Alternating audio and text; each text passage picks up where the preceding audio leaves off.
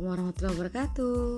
Nah, perkenalkan nama saya Rani Santia Rahab dan saya berterima kasih kepada Pak Arif selaku dosen PKWH kami di Universitas Sumatera Utara dan memberikan kami tugas untuk membuat podcast mengenai entrepreneur. Nah, saya mengambil tema tentang entrepreneur ini saya mengambil tema apa sih yang seharusnya dilakukan seorang entrepreneur jika mengalami kegagalan atau bangkrut dalam usahanya? Nah, menurut saya nih ya, tema ini sangat bagus gitu. Karena tidak mudahnya membangun usaha tersebut berjalan terus meningkat meningkat meningkat. Pasti akan ada mengalami kegagalan atau kebangkrutan lebih kurangnya ya seperti itu gitu. Karena para entrepreneur-entrepreneur sukses tersebut banyak para entrepreneur-entrepreneur sukses itu dibaliknya itu pasti mengalami banyak mengalami kebangkrutan atau kegagalan terlebih dahulu dan banyaklah yang mengalami kegagalan-kegagalan sebelumnya dan mempunyai pengalaman-pengalaman tertentu. Nah, menurut saya nih ya, uh, yang pertama kita lakukan ketika kita mengalami kegagalan atau bangkrut, kita harus terima keadaan dengan lapang dada. Nah, meskipun terdengar kelas gitu kan, tapi ini merupakan hal penting yang harus Anda lakukan. Ketika kebangkrutan menimpa, alih-alih kita selalu sering menyalahkan keadaan. Terus menyalahkan diri sendiri kita dan menyalahkan orang-orang sekitar kita.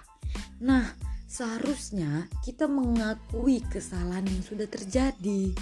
Ini akan lebih memudahkan Anda berpikir jernih dalam mengambil langkah selanjutnya.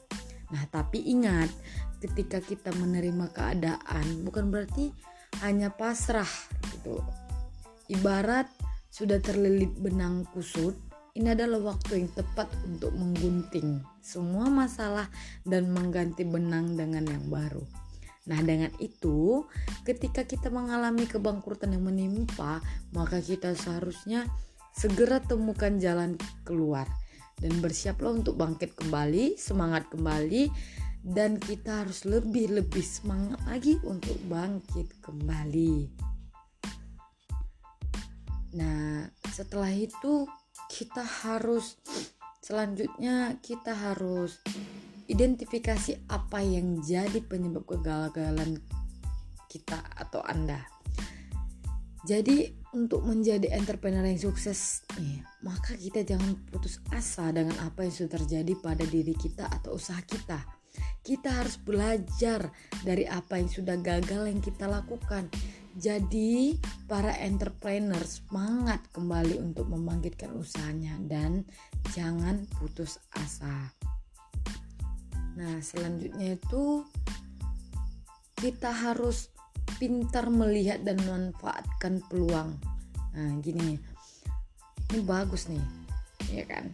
Memang bag bangkit lagi setelah jatuh memang bukan perkara mudah. Namun, hal ini berhasil loh dibuktikan oleh Yasa Singgi. Sebelum sukses dengan bisnis pakaian pria yang dibangunnya, pengusaha muda ini sudah pernah mengalami kegagalan dalam bisnis kopi yang dijalankannya. Setelah punya dua cabang, Yasa mengalami kebangkrutan dengan nilai kerugian ratusan juta. Wow, sangat besar ya kan? Kegagalan pertama ini tidak lantas membuat Yasa mundur. Dari sinilah dia lantas menemukan bahwa ada peluang lain yang ternyata jauh lebih menggiurkan, menggabungkan konsep brand e-commerce dan men's lifestyle. Ya selalu membuka bisnis pakaian yang diberi nama Men Republic. Kejeliannya ini yang kemudian membuat Yasa bisa bangkit kembali bahkan lebih sukses dari sebelumnya. Nah ini patut dicontoh guys. Dan selanjutnya itu kita harus mampu beradaptasi dengan perubahan. Percaya atau tidak selama beberapa tahun terakhir ada banyak sekali sektor industri kita yang berubah karena teknologi. Ya nggak sih? Ya pasti ya kan. Salah satu contohnya adalah bisnis wortel nih.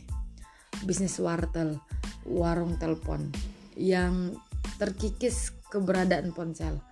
Dalam beberapa tahun ke depan anak-anak mungkin tidak akan menggunakan jasa warnet lagi karena semua yang mereka butuhkan sudah berada dalam genggaman. Percaya atau tidak, selama percaya atau tidak, dulu terakhir percaya atau tidak. Nah, mampu beradaptasi dengan perubahan, maupun itu perubahan teknologi, lingkungan, semuanya. Kita harus mampu beradaptasi dengan segala perubahan. Karena seperti perubahan teknologi. Seperti perubahan teknologi. Nah, dulu banyak orang sehingga hampir semua orang melakukan membayar segala apa pun itu barang-barang atau makan-makan membayar dengan cash.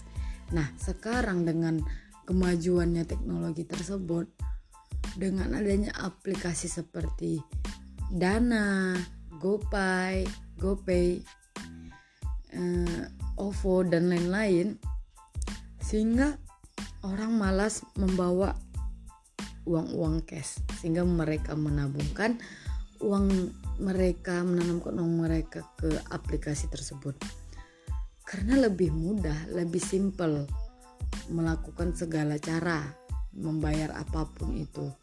Jadi, kita harus sebagai entrepreneur yang bangkit lagi untuk menjadi bangkit lagi, usaha kita itu harus kita buat aplikasi seperti tersebut, Dana, GoPay, OVO dan lain-lain agar para pelanggan itu tetap di usaha kita, di perusahaan kita. Nah, jadi kita harus menerima suatu perubahan atau keadaan yang sudah terjadi.